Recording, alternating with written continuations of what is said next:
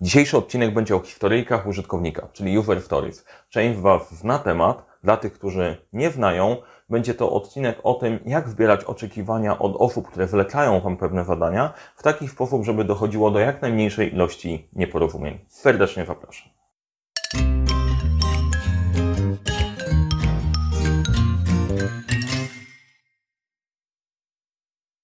Cześć, nazywam się Mariusz Kapufta. Uczę jak rozpocząć kończyć dwukrefem projekty w świecie, w którym brakuje czasu, brakuje zasobów, za to nigdy nie brakuje problemów i pomagam te problemy rozwiązywać. Na tym kanale dzielę się wiedzą z zarządzania projektami, zarządzania, więc jeżeli to jest temat dla Ciebie, zasubskrybuj ten kanał, kliknij dzwoneczek, żeby nie przegapić kolejnych odcinków. Teraz przechodzimy do dramatycznej historii dzisiejszego odcinka, czyli do historyjek użytkownika. Żeby rozmawiać w ogóle o temacie, o historyjkach, to spróbujmy sobie zdefiniować, czym to jest. To nie są te wszystkie horrory, które się dzieją na co dzień pod kątem użytkowania systemu, czy dramaty, że coś się wywaliło w ostatniej chwili, nie wiemy jak to ogarnąć, albo komediowe sytuacje, po prostu rodem z Monty Pythona, albo wymagania z science fiction typu zrób, żeby mój system robił wszystko, zawsze, wszędzie i totalnie bezproblemowo. Historyjki użytkownika to jest pewien sposób na usystematyzowanie sobie zbierania tych wymagań i oczekiwań od osób, które mogą Ci zlecić, żeby w tym projekcie coś się zadziało. E, geneza historyjek użytkownika to jest IT. Skąd się to wzięło tam? Ponieważ wymagania bardzo często są nieprecyzyjne. Przychodzi ktoś i mówi, dobra, zrób mi, żeby na tej stronie ktoś mógł kupić mój produkt, nie? I koniec. Fajnie. I później się okazuje, że informatyk zostaje czymś takim, programista zostaje czymś takim, musi to zaprogramować. Się okazuje, że to jest na tyle nieprecyzyjne, że nie do końca wie, po co my to robimy, komu to jest potrzebne i tak dalej. Historyjki użytkownika jako format zostały wprowadzone szczególnie po prostu przy projektach robionych w inny sposób, jako sposób usprawniający komunikację. Nie są idealne, nie rozwiązują wszystkich tematów, ale sprawiają, że jesteś w stanie w miarę szybko na początku wyłapać, że coś nie tak z danym wymaganiem i oczekiwaniem jest nie tak. Tak, przykład takiej historyjki użytkownika albo wymagań, jak to może wyglądać. Każdy jest w stanie wyobrazić, że przygotowujesz sobie bloga albo stronę internetową i ktoś mówi, słuchaj, chcę mieć na blogu banner, chcę mieć na, na blogu kontakt, chcę mieć na blogu E, mapę i chcę mieć ofertę i jeszcze chciałbym mieć, dodać sobie jakiegoś e-booka do ściągnięcia, nie? Wrzucamy sobie takie tematy. I bardzo często ta rozmowa jest na poziomie, e, na poziomie tematów takich w miarę fizycznych, które widać, nie? E-book, kontakt, strona i tak dalej. I to często nie wystarcza do tego, żeby zrozumieć szerszy kontekst. A jak nie rozumiesz kontekstu, nie jesteś w stanie tego do końca sensownie zrobić. Dlatego format historyjek pozwala dużo wcześniej wyłapać co i jak. Teraz dla tych osób, które się zastanawiają, ty, ale jeżeli tylko IT, to po co mi się to przyda w innych obszarach? Otóż case jest taki, to przydaje się nie tylko i wyłącznie w IT. Jeżeli pracujesz na innych projektach, też możesz wykorzystać te sposoby. Później Ci opowiem o sposobach, jak sobie e, opisywać te historyjki, do czego się jeszcze mogą przydać, więc trochę, e, trochę cierpliwości. To faktycznie po prostu można połączyć w różnych dziedzinach. E, jakie, jak sprawdzić, czy ta historyjka, którą dostajemy od, dostajemy od użytkownika, jest faktycznie taka, jaka być powinna. I to jest znowu w miarę szybki filtr, dzięki któremu się możesz zorientować, ok, czy mam wszystko, czy jednak potrzebuję trochę dopytać, żeby później nie było problemów i korzystamy z takiego podejścia invest. Sześć, sześć punktów, które historyjka musi spełnić. Pierwsze musi być independent, niezależna, czyli ta jest historyjka niezależna od pozostałych, mogę się skupić na przykład tylko i wyłącznie na tym pliku do pobrania, nie zajmując się pozostałymi tematami to oznacza, ok, dobra, to jest taki wydzielony kawałek funkcjonalności e, i wymagań, którym mogę się zająć i spokojnie sobie rozkminić, rozpracować, co tam mam ogarnąć. Drugi temat negocjowalna, ok, możemy w ramach tego obszaru sobie rozmawiać, co konkretnie pod spodem się kryje e, i móc o tym porozmawiać z jednej i z drugiej strony, ponieważ e, w wymaganiach to pod spodem jest trochę więcej problemów. Coś, co się wydaje totalnie proste, z perspektywy osoby, która to zamawia, nie jest takie proste pod kątem wykonania. I tutaj możliwość udrożnienia tego ruchu jest bardzo istotna.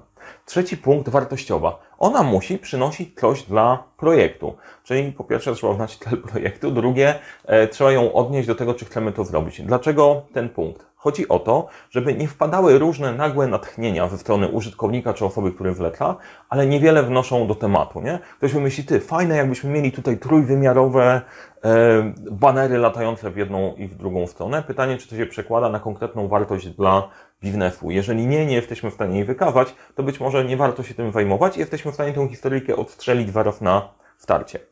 E, oszacowywalna jesteśmy w stanie oszacować to, co dostaliśmy pod kątem tego, ile czasu nam to zajmie, jak to skomplikowane jest. To bardzo ważna, bardzo ważna rzecz, bo szczególnie jak mówimy o zakresie e, w projektach i rozbijamy sobie projekt na mniejsze tematy, to bardzo często jest taka pułapka, że mówisz, a dobra, wydaje mi się, że wiem, co mam tam zrobić, nie?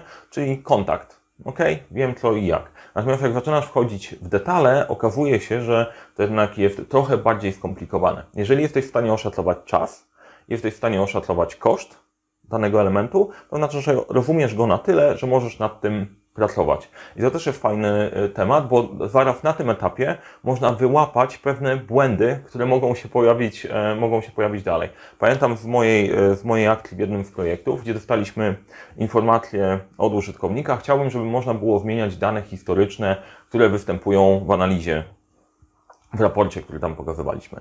E, poszedłem do mojego programisty, on to wytlenił na 30 godzin, wróciłem, mówię, słuchajcie, to jest 30 godzin, tydzień pracy, może wymienimy to na jakieś inne historyjki. A człowiek mówi, ale skąd wy w ogóle to wymyśliliście?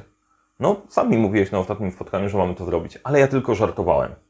No więc Wytlena tego uratowała nas przed, e, przed zainwestowaniem 30 dni, a drugie, sprawdzenie, jak to naprawdę wygląda i negocjowanie w drugą stronę, słuchajcie, wydaje mi się, że to jest trochę za duże, sprawiło, że nie zainwestowaliśmy tego czasu i to nam pomogło. Ale mam też kilka innych top, gdzie po prostu zrobiliśmy po prostu za szybko, nie wracając z powrotem z historyjką i to był, e, to był słaby temat. Kolejny mała.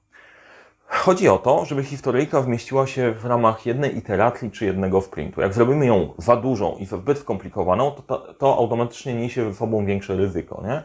Czyli jak wrzucisz na przykład historyjkę typu chcę mieć sklep na stronie, Uch, to nie jest historyjka, to jest już tak zwany epic, duża, duża historia. Tam naprawdę dużo dramatów się może faktycznie wydarzyć, bo tych historyjek tam pod spodem będzie naprawdę sporo. Czyli tak przekładając na ludzki język, historyjki to jest rozbicie sobie tej dużej rzeczy, którą chcesz, na mniejsze tematy i opowiedzenie sobie trochę o tym i o przykładach tych historyjek zaraz będziemy szli. I ostatni element testowalna, czyli jestem w stanie przetestować to, co sobie człowiek zażyczył. Jak ktoś mówi, chcę mieć kontakt, Okej. Okay. To jest trochę za mało. To jak my będziemy testować ten kontakt? Czy on tam jest? Czy on tam działa? Czy wysyła do ludzi? Czy mail do nas przychodzi? Jak przetestować, czy to e, zafunkcjonuje? A co jak kliknę i się nie zadzieje? Pojawia się cała masa pytań. Często zaraz na starcie dochodzi do konfliktów, bo nie do końca wszyscy, którzy wrzucają rzeczy do wykonania, rozumieją, jak to działa pod spodem E, pod kątem programowania, nie? że tam nie jest tylko wstawiasz przycisk i to działa, tylko jest cała masa wyjątków, które trzeba brać pod uwagę. I to jest pierwszy filtr, który możesz założyć, jeżeli ktoś przychodzi do Ciebie z tematem, chce, żeby to było zrobione i mówi, kontakt to sprawdza, czy jest niezależna, negocjowalna, czy nosi się wartość dla biznesu, czy jestem w stanie oszacować, ile to będzie trwało, czy jest na tyle mała, że wmieści się nam w ramach danej iteracji czy sprintu i czy jestem w stanie przetestować, czy to ma ręce i nogi. Jeżeli nie, no to trzeba po prostu się, ta historyjka nie do końca jest poprawna, trzeba było się jej przyjrzeć trochę lepiej, dlatego żeby nie zadziałać zgodnie z zasadą shit in, shit out, wrzucimy coś słabego, a na koniec będziemy mieć z tym więcej problemów. Czyli to jest filtr numer jeden. I teraz trzy różne formaty, które możesz zastosować. Można je sobie dopasowywać później do Twoich potrzeb, ale ważne jest, żebyście się umówili na pewien e, standard, pewien framework, z którego korzystacie, żeby nie okazało się, że to znowu się robi totalna swoboda. Format numer jeden i pierwsza wersja historyjki jest taka. Jako ktoś w danej roli, mogę coś zrobić, bo wtedy coś uzyskuję. Czyli na przykład, jako administrator systemu mogę zablokować użytkownika, który wysyła obraźliwe komentarze, bo wtedy pozostali mogą spokojnie korzystać z systemu. Okay?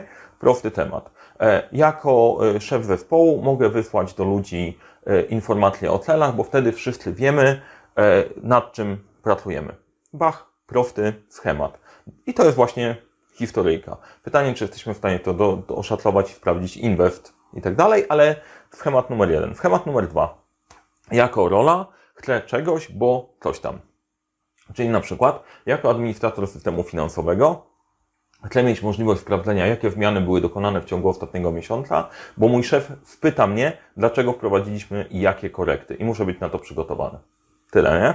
To jest o tyle ważne istotne, bo łapie też szerszy kont, kontekst. Ja uważam, że ludzie, którzy rozumieją, po co coś robią i w coś, co się wpina, są w stanie to wykonać lepiej. Trzeci typ historyjki, e, jako rola mogę coś tam zrobić. Niekoniecznie bez Niekoniecznie potrzebuję uzasadnienia, część rzeczy może być oczywista, nie? Czyli e, jako e, księgowy mogę wydrukować e, historię faktur. Ok, spoko, możemy do, dodać do tego powód. Wydaje mi się, że pierwsze dwie wersje są dosyć fajne, bo oprócz tego, że określają, kto to robi, kto to ma robić, daje też po prostu szerszy kontekst. Natomiast jestem sobie w stanie wyobrazić różne modyfikacje wokół tego. teraz jeszcze jedna bardzo ważna rzecz, ważna rzecz to do historyjek można od razu sobie stworzyć scenariusze testowania przy zbieraniu e, tych historyjek, czyli jak my sprawdzimy, czy to faktycznie jest to, czego oczekiwaliśmy. E, no ja wiem, że w tym momencie po prostu IT jest bliżej tematu, e, ale zostańcie ze mną, bo to też jest ważne. To jest sposób myślenia takiego usystematyzowanego, bardzo jest potrzebny w wielu innych, wielu innych branżach. I teraz uwaga, potrzebujecie się skupić, nie? bo to będzie ciężki, to będzie ciężki slajd. Nie? Wpisujemy tytuł scenariusza i zakładając, że coś się zadziało i być może zadziało się coś więcej, kiedy coś się wydarzy, to wtedy uzyskamy taki wynik i być może jeszcze jakieś dodatkowe tematy. Nie? Teraz to jest chyba najbardziej zagadkowy slajd, który nagrałem do tej pory na kanale przez te dwa lata z kawałkiem, więc tłumaczę na przykładzie, nie? Jak, to, e, jak to wypełnić. Przykład, użytkownik nie ma założonego konta w serwisie. Jak to może działać? Zakładając, że klient nie ma konta w serwisie, nie? Przychodzisz do sklepu i nie masz konta tam założonego. E, nie wybierasz opcji bez zakładania konta, bo teraz jak widzicie są po prostu często takie, że możesz założyć konto, albo możesz kupić bez zakładania konta. Użytkownik tego nie wybrał. To kiedy próbuje dokonać zakupu, to system mu nie pozwala zrobić zakupu i mówi komunikat o tym, że nie ma konta, załóż sobie konto w naszym systemie, nie? albo kliknij, że robię bez e, zakładania, zakładania konta. Teraz e, to jest szczególnie istotny, istotny case, bo bardzo często zostawia się programistów z rzeczami, które oni mogą sami wymyślić, jak się ma zachować system, jeżeli nie zachowa się w sposób ten podstawowy, główny bieżący, jaki jest opisany, opisany w historyjce. E, I to powoduje frustrację i zamieszanie, bo z jednej strony ty wlecając coś takiego nie rozumiesz, dlaczego ci ludzie tak reagują, a z drugiej strony programista też się wkurza, bo nie dostał pewnej informacji. I dobrym rozwiązaniem jest rozpisywać swoje historyjki, sprawdzać je przez to invest, e, rozpisywać je według pewnego kanonu, na który się umówicie. Możecie skorzystać z tych trzech form i od razu zastanowić się, jak będziecie testować, czy to dobrze działa. E, jak zrobicie to na starcie, to jest dużo łatwiej, dużo szybciej, dużo mniej frustracji. E, no i to by było tyle, jeżeli chodzi o historyjki. W kolejnym odcinku, za jakiś czas, nagram trochę o use case'ach, bo to jest kolejna opcja bardzo fajnego narzędzia, przypadków użycia, do tego, żeby sobie te wymagania jeszcze trochę bardziej doprecyzować i popracować na nich lepiej. Według mnie mocno niedoceniona. Szkoda, że to po prostu jakoś gdzieś tam zniknęło e, na korzyść prostszych rozwiązań, bo tego, się, tego według mnie brakuje. Precyzji, e, konkretnych wymagań i sposobu rozmowy po ludzku pomiędzy sobą. Teraz, e, co robimy w ramach Agile'a, Scrama i tak dalej? Robimy szkolenia agile'owe i scrumowe. Więc jeżeli interesuje Cię Scrum, pracujesz scrumowo, chcesz popracować to praktycznie, poprawić swoją metodę pracy w iteracjach i widzisz, że coś można by było poprawić lepiej. Nie tylko jeżeli chodzi o wymagania o cały proces, to możemy takie szkolenie zrobić w formie zamkniętej. I drugie szkolenie, które prowadzimy z tego obszaru, jako bazowe, to jest Agile dla nietechnicznych, czyli tych wszystkich, którzy pracują z zespołami IT albo sami chcą się nauczyć pracować bardziej w inny sposób, wykorzystać te techniki poza światem IT, to jest drugie nasze szkolenie. W opisie do tego filmu znajdziesz link do obu szkoleń. Jeżeli to jest temat dla Ciebie, zaproś nas, przygotujemy, te, przygotujemy takie szkolenie, żebyś mógł pracować jak najbardziej zwinnie, sensownie i praktycznie. Serdecznie zapraszam do oglądania kolejnych filmów i do zobaczenia może na szkoleniu.